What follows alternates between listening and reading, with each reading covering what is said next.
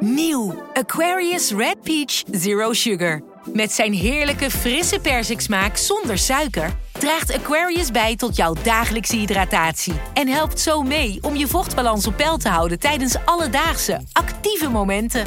Thuis, op het werk of onderweg. Ook verkrijgbaar in smaken lemon en orange. Probeer hem nu. Bij een juridisch conflict kun je het gevoel krijgen dat je in een rollercoaster bent beland. Je wereld staat op zijn kop en je bent de controle even helemaal kwijt. Dan is het fijn als je bent verzekerd bij ARAG. Daar werken topjuristen en advocaten die je begrijpen. Die een stap extra voor je zetten. En je het gevoel van controle teruggeven. Met kennis en informatie, met heldere uitleg en met gericht advies. ARAG, juridisch probleemoplossers.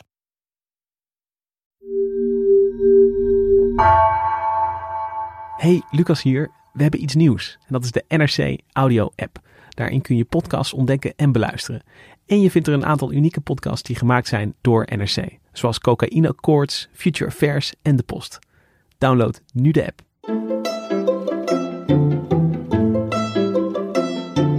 Welkom. Wij zijn Onbehaarde Apen. Dit is een podcast van NRC over wetenschap. Ja, ik heb hier dus allemaal kleine stukjes eh, ervan afgesneden. En die geef ik even door over het eh, glazen scherm heen. En ik hou er ook Ja, eentje voor mezelf. niet spugen natuurlijk. Nee. Oeh, Dan lijkt nou, ik me heb goed, hem. goed als we allemaal op hetzelfde moment eh Ja, pak jij proeven. er ook Ik pak ook af? een stukje. Ja, het stukje is genoeg. Oké, en de rest is allemaal voor mij. Je hoeft maar één stukje te nemen. Gewoon een hoor. beetje opzuigen dan. Ja, met je kauwen zuigen. Oh ja, Wat vind je ervan, Gemma? Tja. Een beetje... Uh. Nee. Dat, ik dacht eerst van het is een beetje stoffig en een beetje notig. En het heeft zo'n viezige, rottende nasmaak opeens. Komt er dan nog. Net als je denkt dat je het gewoon wel ik- lekker vindt. Ik, Nee. ik zou het niet geen rottig, rottende nasmaak Nee. noemen, maar een beetje bosbodem eh, Ja. gevoel krijg ik Ja. ervan. Ja, Ja, maar ik wel ook. ontbindende bosbodem. Ah, ik bedoel, ik hou van de geur van herfst. Ik ben echt dol op de herfst, maar maar dit dan weer niet. nee.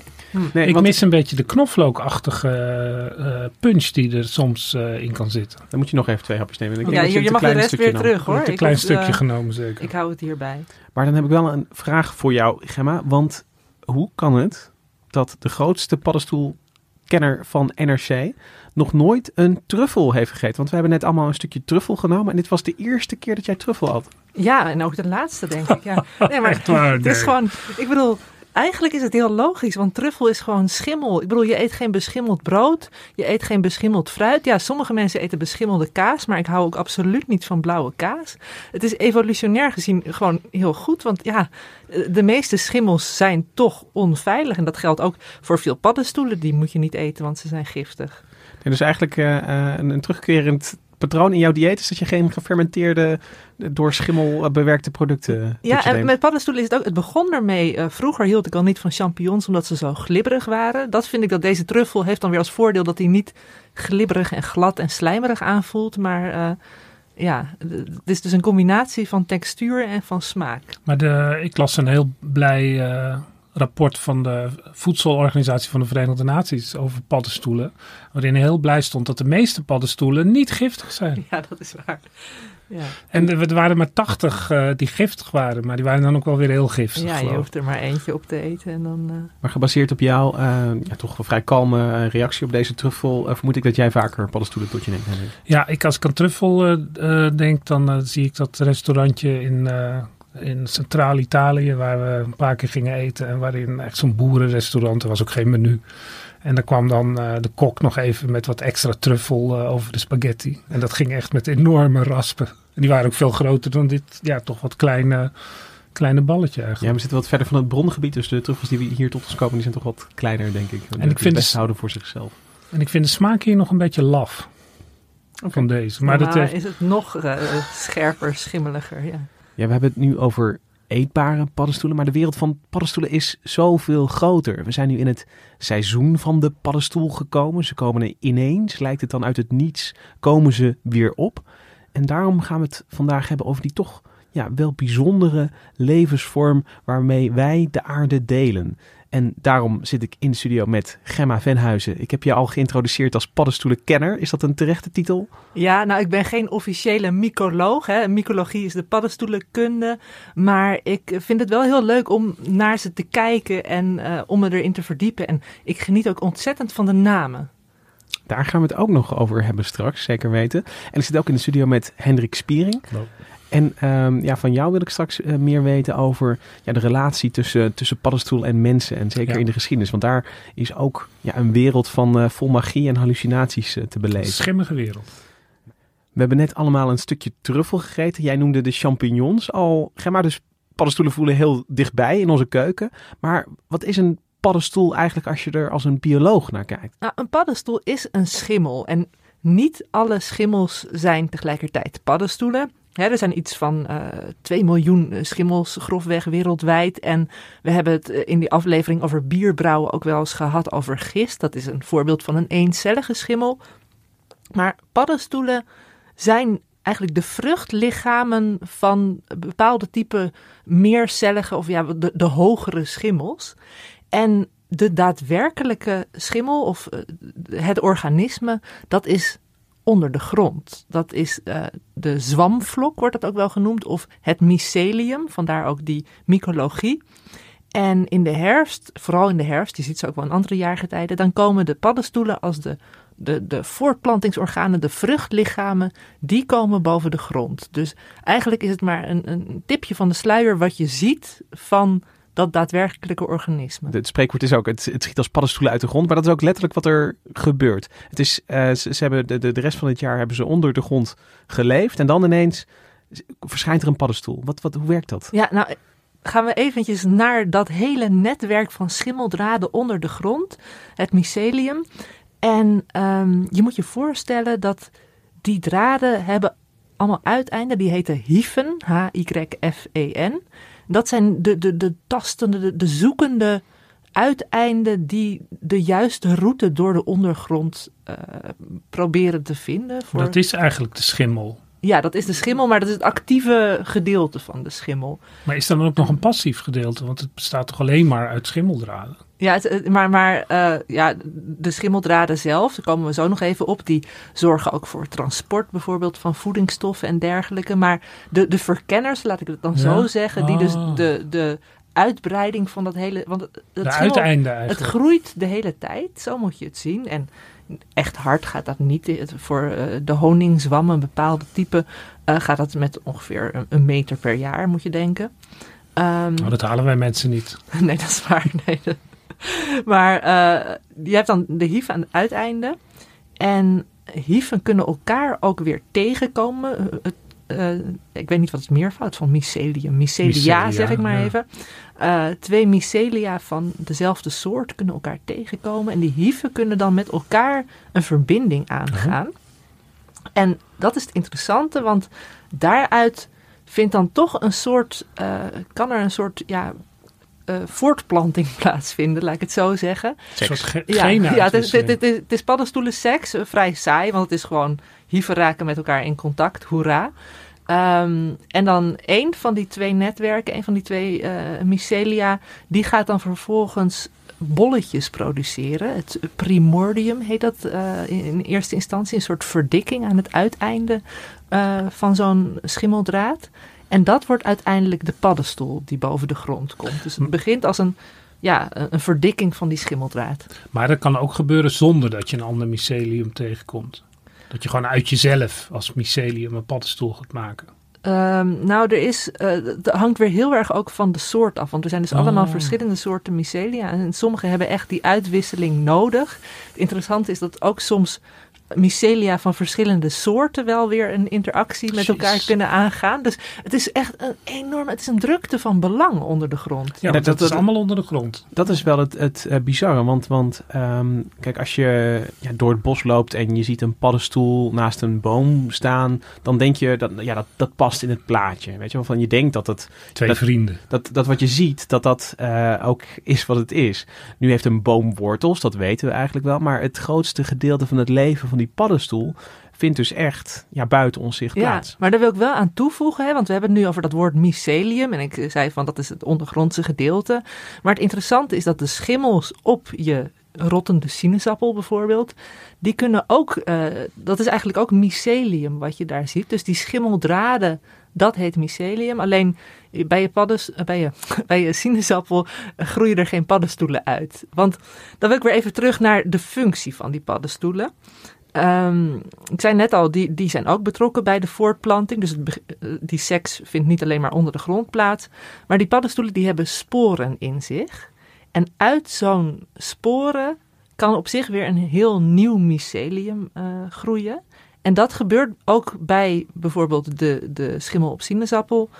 Dan zie je dat het een beetje fluffy wordt. Hè? Een beetje, Beetje harig? stof, ja, en een beetje stoffig ook. En als je het onder een microscoop zou bekijken, dan zie je dat eigenlijk daar de sporen direct op het mycelium worden gevormd. Dus dat is weer een heel andere gang van zaken. De paddenstoel is ja, voor sommige schimmels overbodig. Maar En, en die hangen dus in de lucht, die sporen. Daarom kan een, een, een, een sinaasappel ineens beschimmelen. Want, ja, dat, wordt, dat, dat zweeft dan door je huiskamer Ja. of door je keuken heen. Dus de, de, de sporen zijn eigenlijk de, nou ja, en, en om, om weer even een, een plantenvergelijking te maken, te, te vergelijken met zaden die eh, grotere afstanden kunnen afleggen en waardoor een mycelium dus niet alleen door de grond, eh, zeg maar, nieuwe plekken hoeft te bereiken door te groeien, maar ook gewoon, zeg maar, een, echt een, een, een nieuwe plek kan koloniseren als zo'n Ja. sporen ergens landt. Ja, en dat is wel interessant. Ik weet niet of jullie eh, het fenomeen stuifzwam kennen. Ik heb er afgelopen weekend nog op één gesprongen, want dat mag bij stuifzwammen. mag je vol overgave eh, kapot stampen, want dat willen ze zelf. Maar dat zijn een beetje van die ehm, ja, aardappelachtige ballen die je wel eens in de duinen ziet. En als die rijp, rijp zijn en je stapt erop, komt er zo'n enorme sporenwolk vrij. Ja, Ik, ik, ik, ik heb het nog nooit Oh, nou, gedaan, ik kan maar het ik, zeer erg graag. aanraden. En je helpt er dus de paddenstoel mee. ja, dat zeg Eh, jij. ja.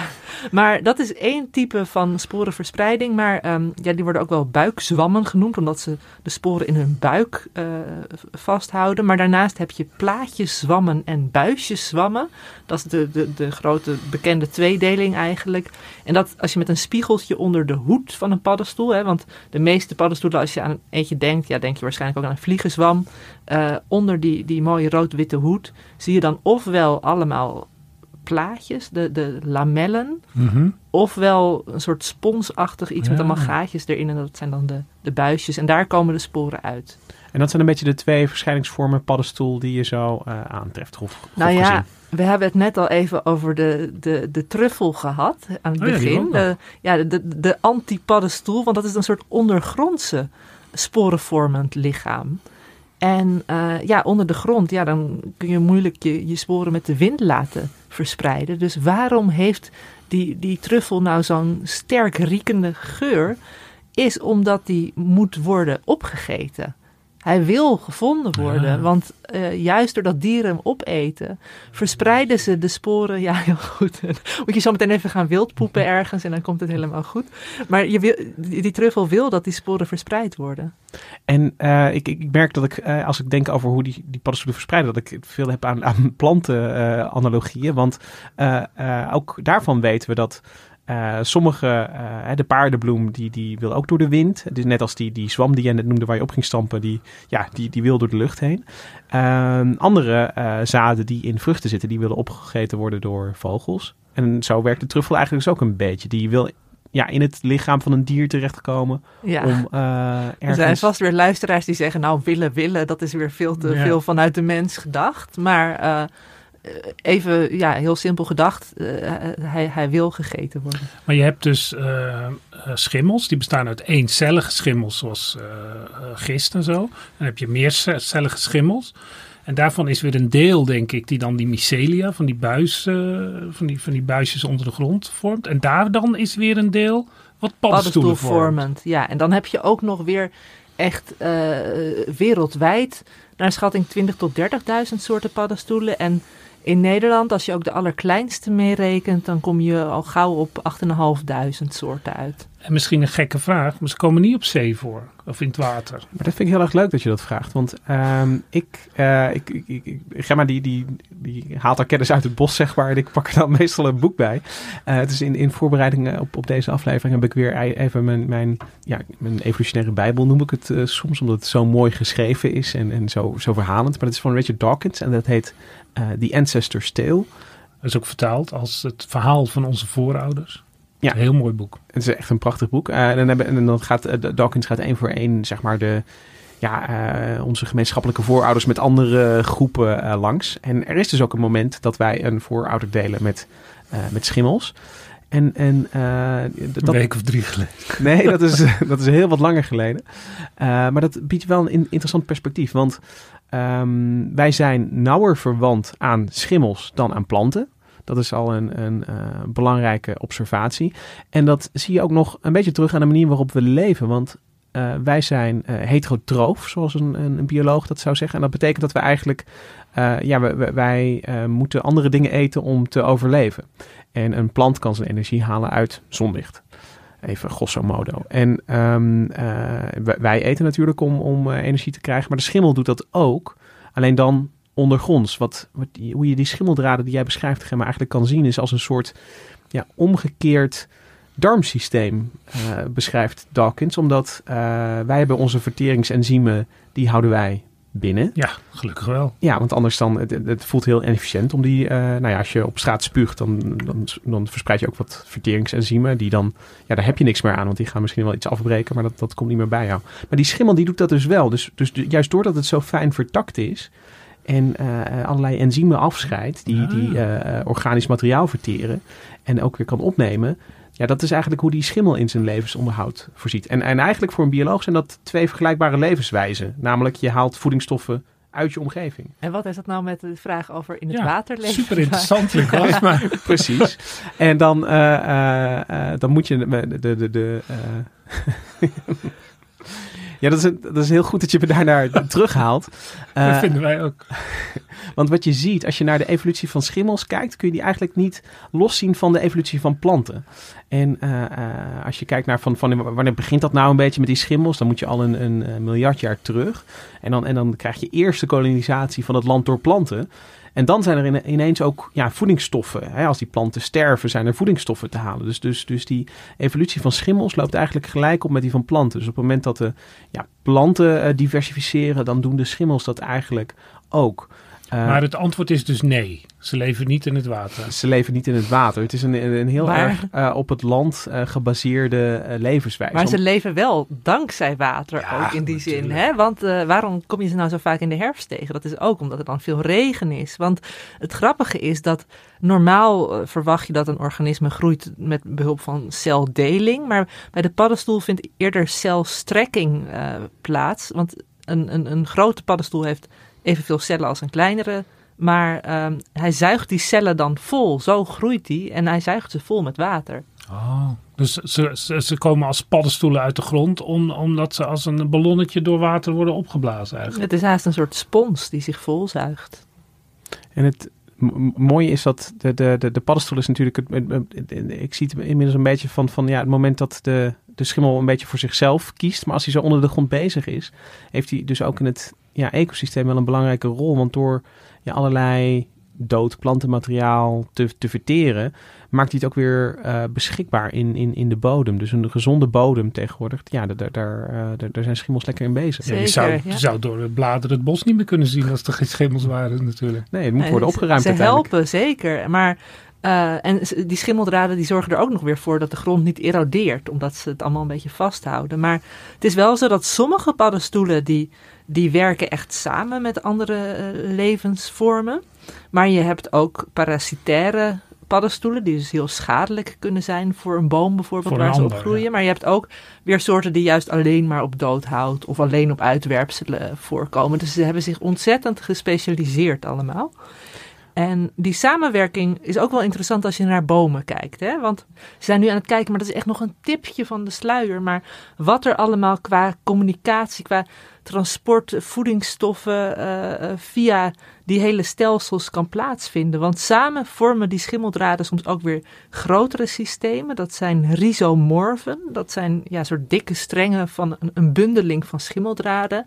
En daar kun je nog veel efficiënter uh, bijvoorbeeld water of voedingsstoffen door transporteren. Maar dat, ik vind dat echt wel prachtig. Komt want, je, hebt, je, hebt, je hebt dus eigenlijk ja, totaal compleet verschillende levensvormen. Weet je wel, die, die, die boom die daar in de, de, de zonlicht staat, staat, staat op te zuigen. En dan helemaal aan de andere kant van die boom, weet je, bij zijn, bij, bij, helemaal bij zijn tenen, bij wijze van spreken. Daar, daar is hij dan toch weer afhankelijk van ja, iets, iets, iets uh, microbiologisch bijna, dat daar ook nog weer, weer voedingsstoffen staat, staat uh, vrij te maken. En, en, en ja, dat, dat die hele grote reus van het woud, dat alle kleinste ook weer nodig hebben. Het, het, het, het, spreekt ook wel heel erg tot de verbeelding als het gaat om, ja, wat jij aanstipt, Hendrik, die, die samenwerking en, en, en die symbiose ja, tussen wij, levensvormen. Wij associëren schimmel met bederf en verrotting en hè, iets is beschimmeld. Dat is natuurlijk dan ook meestal niet verstandig om op te eten. Maar het speelt zich nog veel meer af. Het is eigenlijk een soort, soort, soort ja, basis van het bouwwerk van het bos ook. En nu ga ik jullie ook eens een boekentip geven. Want uh, ik heb net het boek Entangled Life, Verweven Leven, van uh, de Engelse mycoloog Merlin Sheldrake gelezen. En dat gaat ook over die hele fascinerende verborgen wereld onder de grond. Dus uh, over het mycelium en ook over andere schimmelvormen. Maar het leuke is ook dat uh, hij heeft zelfs zijn eigen boek opgegeten. In die zin, hij heeft um, uh, zijn, zijn boek, dus dat verweven leven, als voedingsbodem voor oesterzwammen gebruikt. En vervolgens heeft hij die oesterzwammen weer lekker opgegeten. Ik heb een filmpje gezien, ziet er heel grappig uit. Maar hij is dus, laten we zeggen, een, een uh, geïnteresseerde, betrokken, zintuigelijk ingestelde mycoloog. En nou, ik had het met hem er ook over hoe bijzonder het eigenlijk is dat het mycelium werkt. Dus, dus nou ja, wat ik net zeg over dat die hieven allemaal uh, zich, hun, hun uh, route weten te vinden door de ondergrond. Zonder dat daar een heel centraal brein achter zit. It's an amazing thing to imagine this, these networks with, um, with no fixed shape, just exploring their environment, pouring themselves into their environment, and at the same time integrating data streams, but without a special place to integrate them. This is what is so puzzling. We have brains, we have a special place where this integration takes place, but mycelial networks don't have a special place where that happens. They're decentralized, and so integration somehow takes place both everywhere at once and also nowhere in particular. Nou, hij had het er zelfs over dat je in zekere zin zou je het mycelium als een soort, soort hersenen van de ondergrond kunnen zien. Niet elke onderzoeker wil daaraan, maar wat het interessante is, is dat er zelfs in die schimmeldraden bijvoorbeeld is waargenomen dat er allemaal elektrische pulsen doorheen worden uh, geleid. Hè? Dat heb je dan in in je lichaam ook zo, maar het is gewoon, er vindt zoveel plaats in die schijnbaar nutteloze, dunne, uh, lelijke draden. Maar dat mycelium, daar vroeg ik me nog af, zijn dat nou allemaal dezelfde soort cellen? Of zit daar ook nog een soort celdifferentiatie in? Zoals zeg maar in het lichaam van een dier of van een plant? Nee, het is eigenlijk een heel homogeen uh, zwamvlokstelsel. Alleen dus aan het einde die hieven, die zijn net wat actiever uh, dan de rest. Maar verder, ja, het, het, het groeit en het groeit en het groeit. En um, de grootste zwamvlok, of het grootste mycelium dat we kennen, dat is ruim 950 hectare groot. Er wordt ook wel het grootste organisme ter wereld genoemd. En dat is een honingzwam in de Amerikaanse staat Oregon. En komt hij dan ook wel eens uh, naar boven? Of, of, of zit, hij, zit echt in de ondergrond? Of, of, of oh, die, ho die honingswam op zich. Ja, en ja. krijg je dat dan echt als uh, meerdere paddenstoelen? Stel ik me dan voor. Het is, ik, ik, het is helemaal niet één enorme paddenstoel. Nee, nee, het zijn meer, nee, nee, dus het is één groot mycelium met heel veel paddenstoelen die naar boven komen. En uh, ik weet ook niet of, of, het voor die honingzwam geldt, maar uh, boswachters zijn ook niet altijd blij met honingzwammen. Want je hebt bijvoorbeeld een soort de sombere honingzwam. Nou, dat klinkt ook al niet als een gezellige gast. Dus je bos en die, de knoppen Ja, natuurlijk. die tast uh, bomen aan. En juist in, in productiebossen, waar de bomen soms toch ook ja, niet op hun allerfitst zijn, dan kunnen de bomen massaal het loodje leggen door die zwam. Maar dat zijn dus heel veel afzonderlijke zwammen. Maar hè, jullie hebben misschien wel eens een heksenkring gezien in het bos. Zo'n zo'n kring van paddenstoelen. Natuurlijk. Dat is ook, dat lijken allemaal afzonderlijke paddenstoelen, dat zijn ook afzonderlijke paddenstoelen, maar ze behoren allemaal tot hetzelfde organisme. Maar ik vind het wel een openbaring dat je dus die, uh, die paddenstoelen, die we natuurlijk toch, zeker uit de herfst en in het bos, maar je ziet ze ook langs het fietspad natuurlijk, ineens opduiken, dat dat zo'n marginaal onderdeel is eigenlijk van een enorm systeem. En ik, ik vond nog een ontzettend grappige quote van een uh, andere, volgens mij vrij bekende mycoloog, uh, die Nicholas Money heet. Hij heeft heel veel boeken geschreven, een hele, hele goede auteur ook. En die schrijft dan in zijn boek Mushrooms, a Natural and Cultural History. Van uh, ja, we zijn zo gefascineerd op die paddenstoel. Hè, maar in feite is het alsof we naar een foto van de ballen van een olifant zitten te kijken. En denken dat dat dan het, uh, het, het, het organisme is. Ja, het leuke is, ik, ik, ik, ik uh, heb die metafoor ook aan Merlin voorgelegd. I mean, yeah, I mean, it's quite a, um, it's a funny way of, of putting it. But yeah, I mean, it, it's in the sense that um, when you're looking at the mushroom, you're looking at the, the, the part of the organism which is concerned with sex and reproduction um, and, and dispersion, um, dispersal. Um, it's analogous to an animal looking at the sexual organs. But I think perhaps it makes it's a little um, more analogous to compare it to plant forms, plant fruits and flowers. If you only just saw the flower that the, the, the plant produced and never the rest of the plant, um, never the leaves, never the stems, never the roots, then um, yeah, then then you'd feel like perhaps this was uh, an incomplete description of the organism, and I think that's probably what Nicholas Money is um, trying to communicate with the elephant's testicles, which um, which makes it very vivid. Ik mag die Sheldrake wel, want hij is wat uh, beschaafder dan, dan, dan Money. Want, want hij vergelijkt het met, met de bloemen die, uh, die we eigenlijk zien. En, en eigenlijk kun je, ik vind dat wel een mooi beeld. De, de, de paddenstoel als, als bloem uh, van, van de schimmel. Dat, dat, doet ze ook misschien wat meer recht, ja, toch dan hun rottende imago, wat ze toch wel een beetje aan ze kleeft. Nou, tegelijkertijd hebben ze ook wel terecht een beetje een vulgair imago. Want ik weet niet of jullie uh, de stinkswam kennen. En uh, de wetenschappelijke naam daarvan luidt uh, Phallus impudicus. Dus onbeschaamde Phallus. Dat laten wij ook weinig tot de verbeelding over. Ja, maar dus als je er een plaatje van opzoekt, dan kun je wel begrijpen waarom die zo heet. En uh, een van de dochters van Darwin, van Charles Darwin, die had zo'n hekel aan de stinkswam. Hij, ruikt ook onaangenaam, maar vooral vanwege zijn uiterlijk, dat ze uh, in het geheim ging ze altijd al die stinkswammen die ze in het bos uh, kon vinden, ging ze verzamelen en die verbrandde ze dan in de kachel bij haar thuis, zodat de kinderen en vooral de meisjes niet zoiets in het bos zouden tegenkomen. Nou, veel Victoriaanser kan het natuurlijk niet worden. Ja, en in het Nederlands werd hij ook wel een tijd de stinkschacht genoemd. Um, maar dat vonden ze ook al te onbetamelijk. Dus daarom is het nu heel neutraal, de stinkswam. Maar Hendrik, als we het hebben over dat, ja, toch, toch een beetje scabreuze, vieze imago dat uh, paddenstoelen soms hebben. Ik bedoel, Gemma eet ze nog steeds uh, niet. Ik bedoel, in, in zekere zin ben je niet zo heel veel anders, uh, Gemma, dan de dochter van, uh, van Darwin.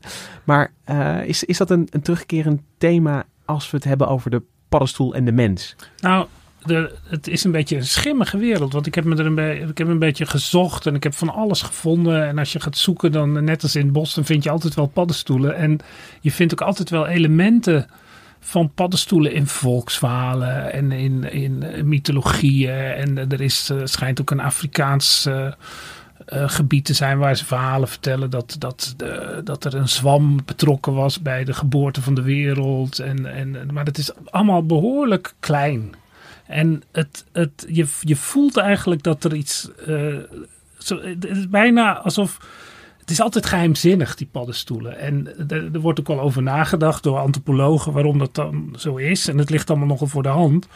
Want ja, ze verschijnen zomaar. Je kijkt en uh, je kijkt nog een keer en ineens staan er allemaal paddenstoelen.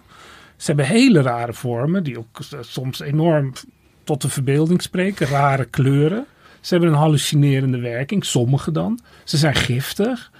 Uh, niet allemaal natuurlijk, maar er is altijd het risico. En ook dat, ik weet niet of die ook in Nederland bestaan, maar je hebt ook lichtgevende paddenstoelen. Wat natuurlijk geheimzinniger kan natuurlijk al bijna niet. En ze zijn dus iets ongrijpbaars. En je ziet ook in de, zelfs in de wetenschap dat ze eerst als dieren werden beschouwd en toen weer als planten. En nu zeg jij net ook dat ze eigenlijk verwanten zijn met dieren dan met planten. En ja, Dus ze bege- begeven zich ook een beetje altijd aan, de rand van onze belevingswereld. Altijd aan de rand van de belevingswereld. En ik, er is een erg goed stuk wat nogal eh, structuralistisch is. Dus sommige dingen zijn bijna geen touw om vast te knopen. Maar het is wel een heel leuk verhaal van Vladimir Toporov. Een Russische filoloog. Die in 1985, dus nog in de Sovjet-tijd. Ja, een, een vrij goed stuk erover heeft geschreven. En die schrijft dan ook in die typische structuralistische manier van denken. Dat een paddenstoel eigenlijk nergens bij hoort. En dat zegt hij dan. Ja, het is een aardselement dat ontstond als het gevolg van neutralisatie van opposities. Zo, zo denken die structuralisten. Hè? Want iets is klinkt- vrouwelijk of mannelijk, Oh. eh, natuur of cultuur. En dit zit overal tussen. Hij fietst overal doorheen, ja. Maar begrijp ik het goed dat die Topperhoff er eigenlijk eh, keek naar de paddenstoel in, in verhalen en, en Ja. welke rol in, in de cultuur ze spelen? En hij, hij, hij, hij zegt het speelt eigenlijk in de centrale mythologie nauwelijks een rol. En hij, eh, als je daarnaar kijkt, dan, dan vind je eigenlijk overal wel een keer een verhaal. En dan, maar dan is het eigenlijk, weet je, eh, in Rusland heb je dan het verhaal van Baba Yaga. Dat is de grote heks uit het bos. En die, ja, die gaat dan paddenstoelen zoeken. En dan komt er iets. Dan gebeurt er iets. En zo is, wij spreken Hans en Grietje gaan ook paddenstoelen zoeken. En dan gebeurt er iets. Maar die paddenstoelen zelf spelen eigenlijk niet zo'n rol. Want je hebt zo'n eh, zo'n zo'n heel verhaal dat alle sprookjes onder verschillende thema's worden gevat. En dat, ja, De paddenstoel is geen thema. Het is decor. Nee, het is decor. Eigenlijk alleen de elfenring, zoals de Engelsen zeggen, of de heksenkring, zoals wij dat noemen, is dan een soort poort naar de andere wereld. Dat zie je dan wel. Dat is, maar dat is dan eigenlijk ook weer een toneeltje. Dat, dat, dat er bijvoorbeeld verhalen zijn dat iemand daarin gevangen raakt door de elfen. En dan eh, zeg maar eh, helemaal veranderd terugkomt. Maar dat, dat kan ook in een grafheuvel gebeuren. Dus daar heb je die elfenkring ook weer niet voor nodig. Dus het is, ja. En ook in, ik, je hebt in, eh, ik, heb, ik heb echt voor overal zitten kijken. En ik zou heel veel verhalen kunnen vertellen. Ook over eh, baby's die dan begraven worden met een dood handje. En dan komt er een paddenstoel uit. En ja, het is allemaal even goed dat ik geen paddenstoelen eet. Maar ik vind eh, wat de rol van paddenstoelen in de cultuur is eigenlijk voor mij wordt het samengevat door een Ghanese spreekwoord wat luidt: vraag een jager die van de jacht terugkomt met paddenstoelen niet hoe het gegaan is. er zit alles in eigenlijk. Zeker.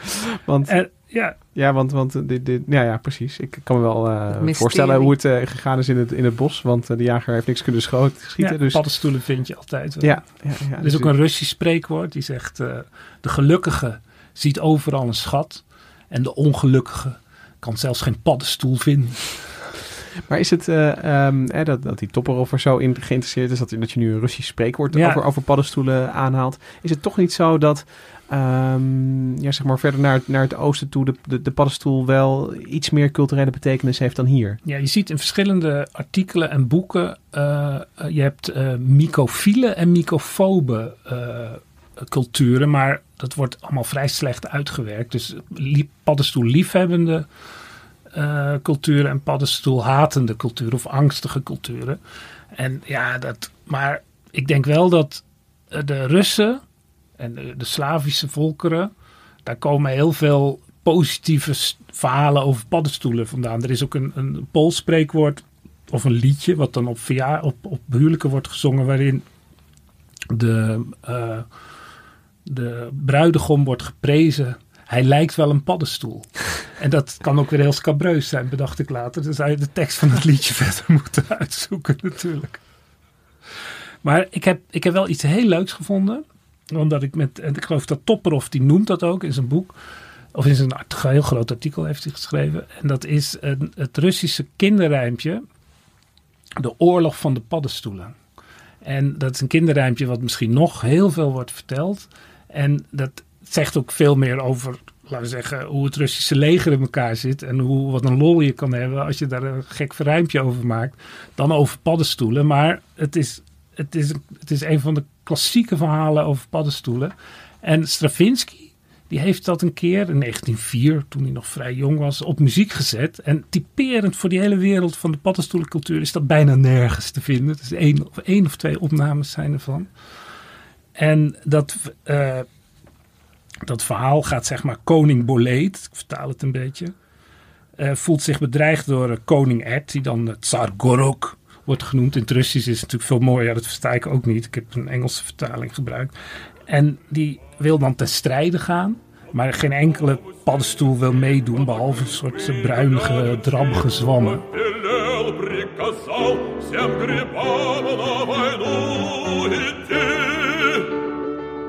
Отказались опенки, говорят, что ноги тонки. Не повинны мы на войну идти. Het is dus ook s- super grappig dat een kinderrijmpje nu als een soort eh, totale opera-aria wordt uitgevoerd. Met heel veel eh, gezag en swoeng. Maar het verhaal is, ik vertaal het een beetje, Borovik, de witte kampernoel, kolonel van al het zwamgevoel, ziet zijn boletenmacht en kijkt. Kijk, hij roept hen naar de eik. Hij geeft hen het bevel, we gaan ten oorlog snel. Nou ja, dan gaat het gedicht verder van nee, de inktzwammen. Nee, nee, we hebben veel te kleine voetjes. En dan weer een andere paddenstoel eh, die ik ook verder niet ken. Die zegt, ah, we, zijn, we zijn boeven, we zijn geen soldaten. We, dat gaan we niet doen. En de Belianki, die voelen zich dan weer te deftig. En de Morel, die begint een heel verhaal dat hij zich niet lekker voelt. En ook zere voeten heeft. En eh, weer een andere, de Riziki.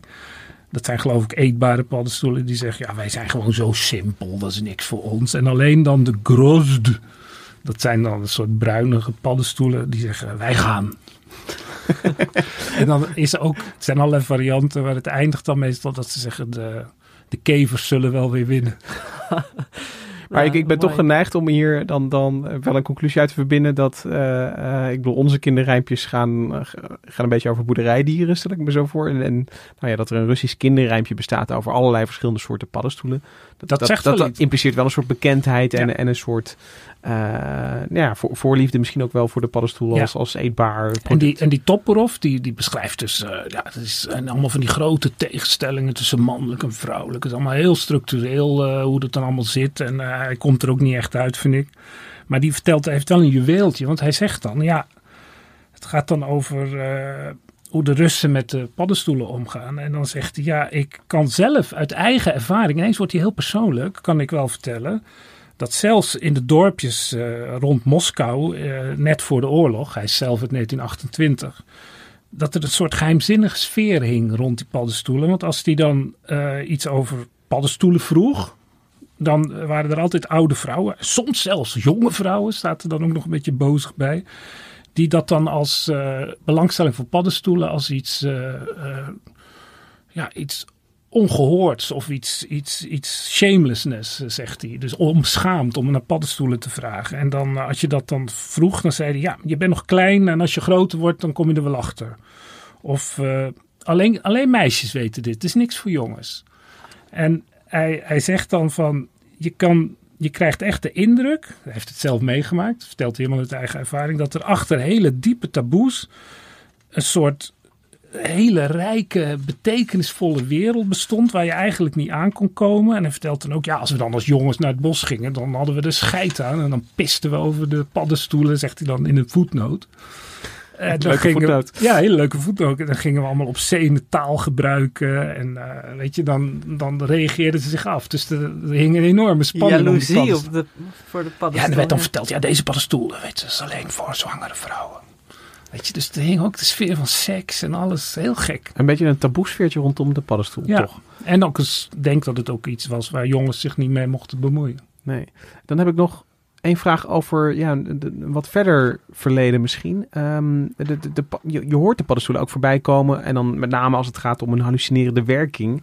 Ehm, als het gaat om, om Midden-Amerikaanse Ja. culturen, eh, de vikingen. Om, De om, om, om daar toch als een soort... Ook een, een soort ingang in, in een visioenenwereld. Is, is daar, blijft daar iets van over? Als je dat een beetje langs een, een geloofwaardigheid Hangt er een beetje vanaf wat je leest. Want er is in de jaren 50 is er een Amerikaanse bankier, die ook een soort antropoloog was, die heeft daar enorm de turboknop op gezet. Dat is ook de man geweest die zeg maar in Amerika de hallucinerende middelen eh, populair heeft gemaakt met LSD en alles. En ook de paddo's in, eh, De, de hallucinerende paddenstoelen uit Mexico. En eh, dat is Gordon eh, Wasson. En die heeft eigenlijk dat heel groot gemaakt. Waardoor dus ook allemaal boeken zijn verschenen in die tijd en ook daarna.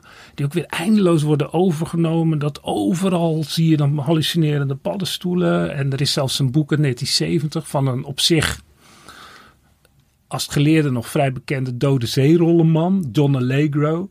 Dat eigenlijk Jezus ook een paddenstoel was. Jezus was een paddenstoel? Ja, ik heb het boek nooit Een gelezen. nieuwe Maar, wending aan het Ja. geloof. ja, en dat dat dus zeg maar ook het, eh, het... Hij deelde dus ook niet brood uit bij het laatste Maar hij avondmaal. deelde zijn eigen Maar dat is, er zit wel iets achter. Dat natuurlijk heel veel religie komt voort uit ja, visioenen.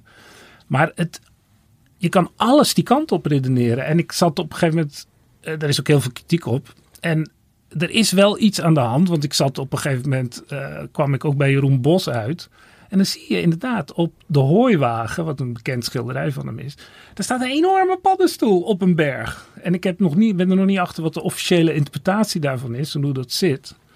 Maar ja, er wordt, dan ook, wordt dan ook in één adem gezet dat er weer een ander schilderij van Jeroen Bos zit. Er staat een, eh, vliegenzwam in het paradijs. Maar ik heb op een vergroting zitten kijken, hem nergens kunnen vinden. dus er wordt dan ook weer het is een schimmige wereld. De, de, de, de paddenstoel die, die, die blijft ongrijpbaar, ook, Ja. ook in de geschiedenis eigenlijk. Maar als je nu kijkt, eh, om, om het even snel te vertellen, dat de, in de Midden-Amerikaanse culturen, daar vind je wel eh, eh, stenen, beeldjes van paddenstoelen.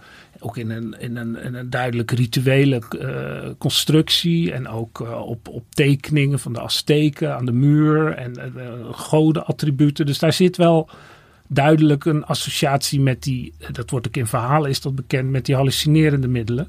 Maar er zijn ook bijvoorbeeld in, in, het, in de slipstream van die, van die Gordon Wasson.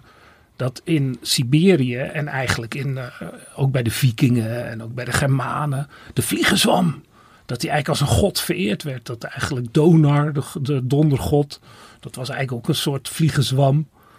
En eh, de shamanen in Siberië, die zouden ook de vliegenzwam vereren als een god. Maar daar heb ik ook nog een stuk over gevonden van iemand die dat echt vrij goed fileert. Op grond van, ja, wat gebeurt er nou eigenlijk met die vliegenzwam? Die wordt dan wel gebruikt als een soort hallucinerend middel, maar in een heel ritueel. En die, er worden wel... Maar het wordt wel gebruikt als, als, als Ja, ja. hallucinerend middel. Maar dat, Ja. dat, dat, was ik eigenlijk naar benieuwd van, van of, dat, eh, eh, of dat gewoon gebeurde. Ja, dat gebeurt. Maar bijvoorbeeld, eh, net als dat de Maya's ook allerlei hallucinerende planten afbeelden. Dus die paddenstoel was niet cruciaal. Er hadden ook andere middelen. Gebruikten de, de shamanen ook eh, allerlei andere middelen om, om tot eh, visioenen te komen. Ja, maar het, het- ik bedoel, de, de, de paddenstoel hoeft niet, ook niet meteen het meest belangrijke eh, de ingrediënt in het kruidenkastje van de shamaan te zijn. Maar hij zat er Dat wel in. gebeurde wel, ja, natuurlijk. Ja. Nou, ja, dat, vind- dat vind ik dan toch wel interessant om te weten. Ja. En weten jullie hoe de vliegenzwam aan zijn naam komt? Nou, ik heb wel een idee. Is hij heel aantrekkelijk voor vliegen? Nou, het was Linnaeus die gaf hem de wetenschappelijke naam. eh, Amanita muscaria. Want eh, muscaria, dat verwijst ook echt naar vliegen. Maar het was juist totaal niet aantrekkelijk voor vliegen. Want hij beschrijft in een van zijn reisverslagen hoe hij een, een papje van vliegenzwammen op de muur smeerde.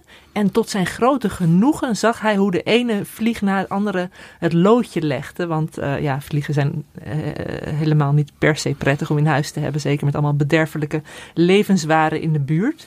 Ehm, dus het is juist een, een giftige zwam voor vliegen ook. Maar dat wordt dan. Ik, want ik, dat kwam ik ook tegen in die, in de, in die, in die stukken over eh, die, die vliegenzwam. En daar, lees je dan ook weer. Want er is dus ook onderzoek geweest. Waaruit blijkt dat. Maar dat kon ik ook weer nergens terugvinden. Dat is ook zo interessant. Het is echt een schimmige wereld. Dat, eh, dat de vliegen er hooguit een beetje duizelig van worden. Maar ze Ja, gaan dus- niet dood. Linnaeus was, ik heb laatst zijn biografie eh, gelezen en hij was af en toe wel van de lichte overdrijving hoor. Want dit Dus, zijn van die verhalen die vertelt iedereen dan door. Ja. En ik vertel het nu ook weer door dat er dus een ander verhaal is. Maar hoe het nou precies zit. Maar die namen van, van paddenstoelen, zeg maar, de, de, de vliegenzwam en, en, en Hendrik noemde net ook de, de, de. Het, het zijn allemaal wel, ehm, eh, ja, als, je- als, je ze, eh, als, als ik ze zie staan, het zijn altijd een, een soort, soort lieve aanduidingen voor, voor die paddenstoelen. Ik ben wel benieuwd wat, eh, als jij naar paddenstoelennamen kijkt, welke vallen jou op? Wat, wat, wat zijn jouw lievelingspaddenstoelen? Nou, namen. Je hebt eh, onder andere de Paarse Schijnridder, vind ik altijd heel erg dat is wel mooi. heel leuk. Zie hem gelijk rijden. Ja, maar ook eh, de fraaie koraalzwam. Nou, dat is een prachtig mooi oranje eh, koraaltje zie je eigenlijk in het, in het bos. Maar ik ben op pad gegaan ook met een paddenstoelen naamgeefster, Anneke van der Putten. Zij is gepromoveerd op de naamgeving van paddenstoelen door de eeuwen heen, sinds de 12e eeuw. En eh, zij had eh, onder andere, heeft zij eh, drie soorten, even kijken, moet ik heel even weer bedenken.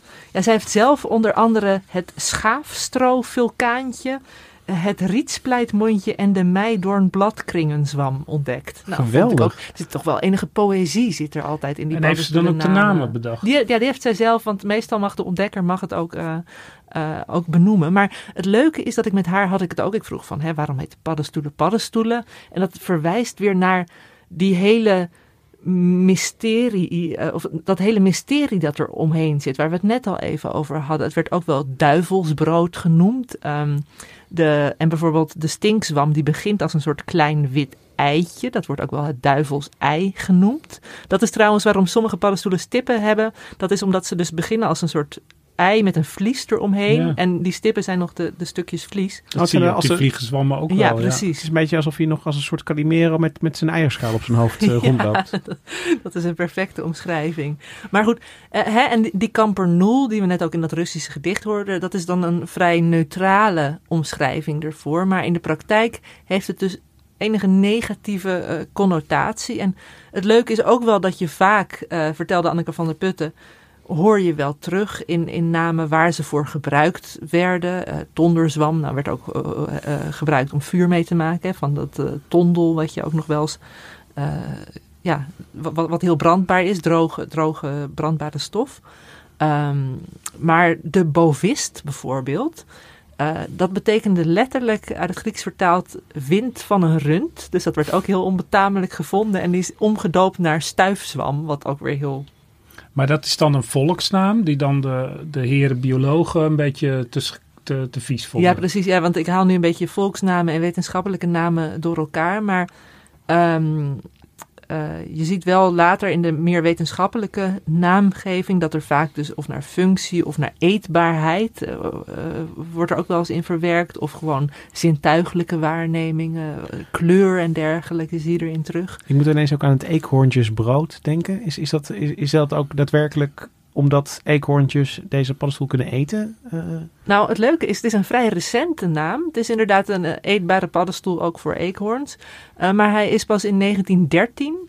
Toen was er een, nieuw paddenstoelboekje, dat heette ook het paddenstoelenboekje, werd uitgegeven. En toen werden mensen opgeroepen om namen in te zenden of om eigenlijk mee te denken. En heel veel van onze huidige paddenstoelennamen zijn dus ja, maximaal een eeuw oud. Maar dat vind ik ook niet zo gek, want ik, eh, eh, ik kwam ook tegen dat er in Europa zijn er een aantal landen met heel weinig eh, eetbare paddenstoelen. Dat is Engeland, Denemarken en Nederland.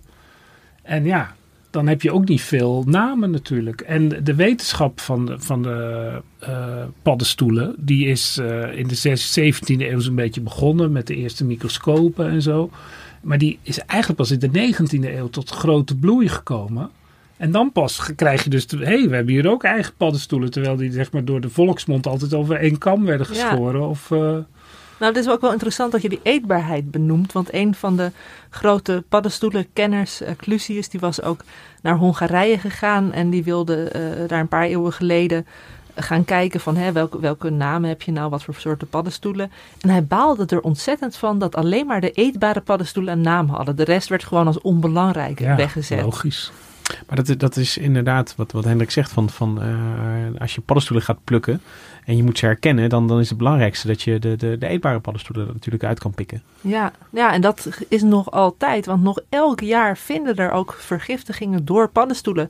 Eh, soms zelfs dodelijk vergiftigd eh, raken mensen, ook in Nederland, door het eten van de verkeerde paddenstoelen. Ja, zelfs in Rusland en Polen, dan gaat het ook wel eens mis. Zeg maar, dat lees je dan een klein berichtje Ja, ergens. maar Dan- recent nog in Nederland. En dat is het verdrietige. ehm, want eh, eigenlijk de, de paddenstoel die in Nederland het, het vaakst tot vergiftigingen leidt, dat is de groene knol-amaniet. Maar die wordt in het Midden-Oosten, hij lijkt heel erg op een paddenstoel die in het Midden-Oosten eetbaar is, de Oosterse beurswam. En het zijn ook eh, soms asielzoekers die dan hier gaan zoeken naar paddenstoelen. En die dan per ongeluk een groene knol-amaniet voor die eetbare soort uit hun eigen land zien. Zo.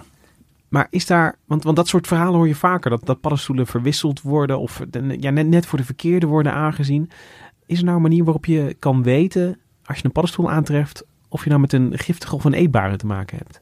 Het is eigenlijk gewoon heel veel ervaring opdoen. eh meegaan op excursies en ook paddenstoelgidsen doorbladeren.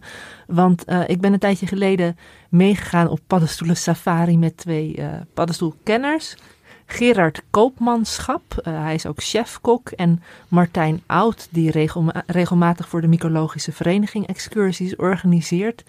En ehm, ja, zij vertelde ook van het is helemaal niet eenvoudig om per se te zien of een paddenstoel giftig is. En in die zin kwamen we ook over die groene knol-amaniet te spreken. Maar wat het zo gevaarlijk maakt, Ja. is dat je bij deze dus niet gewaarschuwd wordt door een vieze Nee. geur of een vieze smaak. Nee. Ze smaken eigenlijk heel aangenaam Ja, voor de meeste ja, mensen. precies, Gewoon ja. champignonachtig. Ehm, Verraderlijk is En- ook dat en- en het duurt moet even. erbij zeggen. Konijnen eten er wel van, hè? nou ja, en Oh, slakken. Oh, oh ja, dat, dat is trouwens Ja. eh, een, een veelgehoord misverstand. Dat herhaal maak ik bij cursisten vaak mee. Is dat eh, je zie je een paddenstoel waar allemaal hapjes uit zijn. Nou, veelal van slakken of, en Ja. of naagdieren. En eh, dan zeggen ze, oh, maar daar is van gegeten, dus hij zal Oh wel ja, eetbaar zijn. ja, en dat is dus ja, absoluut niet zo. De, het metabolisme van een slak is natuurlijk niet te vergelijken Nee. met dat van een, eh, van een zoogdier. nou, wijze les.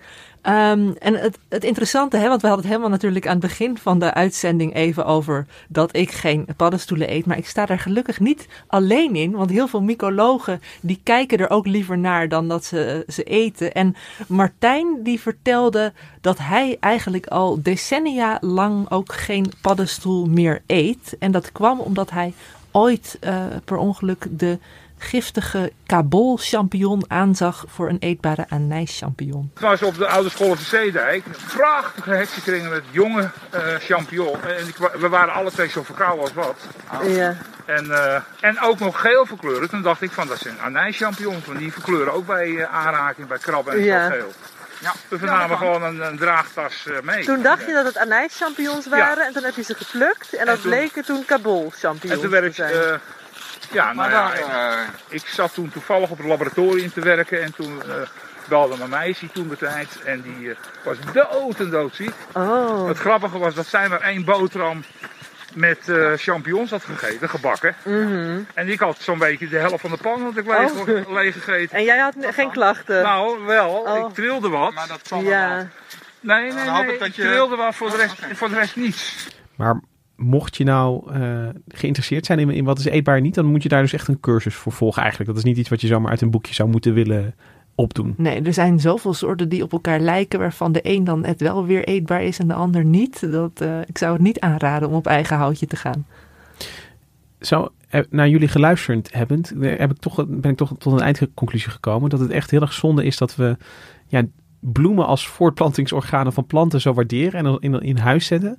En, en dat er rond de paddenstoel altijd iets ja, viezigs, iets, iets scabreus, iets mysterieus is blijven hangen. Dat is eigenlijk wel zonde, want ja, eh, luisterend eh, naar, naar Gemma vooral, is, is ook de schoonheid van, van de paddenstoel en het organisme dat eronder zit, is eigenlijk onmiskenbaar, Ja. eh, denk ik. Maar Ja, we hoeven dus geen vaasje met stinkswammen op tafel te zetten. We kunnen ze gewoon in het bos gaan. eh, We kunnen er gewoon van genieten terwijl ze er staan. En daar is het, eh, het seizoen gelukkig perfect voor. Er staat een hele andere wereld voor ons open. Treed door die heksenkring naar binnen. Ga een keertje op je knieën en neem die paddenstoelenwereld tot je. Niet via je mond, Nee, ja. maar via je ogen. En daarmee zijn we aan het einde gekomen van deze aflevering over paddenstoelen. Mocht je nou enthousiast geraakt zijn over het mycelium, dan kun je ook de NRC-podcast Future Affairs luisteren. En de eerste aflevering daarvan gaat eh, over Bob Hendricks, die grootse plannen heeft met mycelium. Gemma Venhuizen en Hendrik Spiering, bedankt dat jullie hier kwamen vertellen over paddenstoelen. Bedankt voor de truffel. Graag gedaan. Nee, die is, eh, heeft Kim Kappendijk gekocht Oh ja, eh, voor ons. Eh, Bedankt die- voor de truffel, Kim. Onze producer, die bedanken we ook. De muziek die je hoort, die is ingespeeld door het Dudok Quartet. Wij zijn er volgende week weer. Tot dan!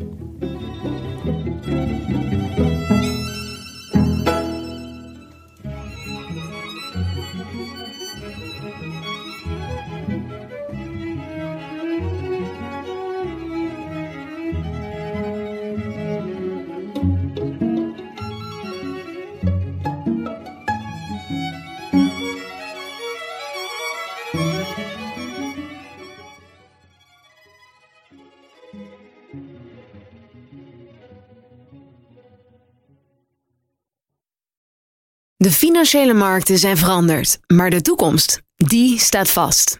We zijn in transitie naar een klimaatneutrale economie. Dit biedt een van de grootste investeringskansen van onze generatie. Een kans voor u om mee te groeien met de pioniers van morgen.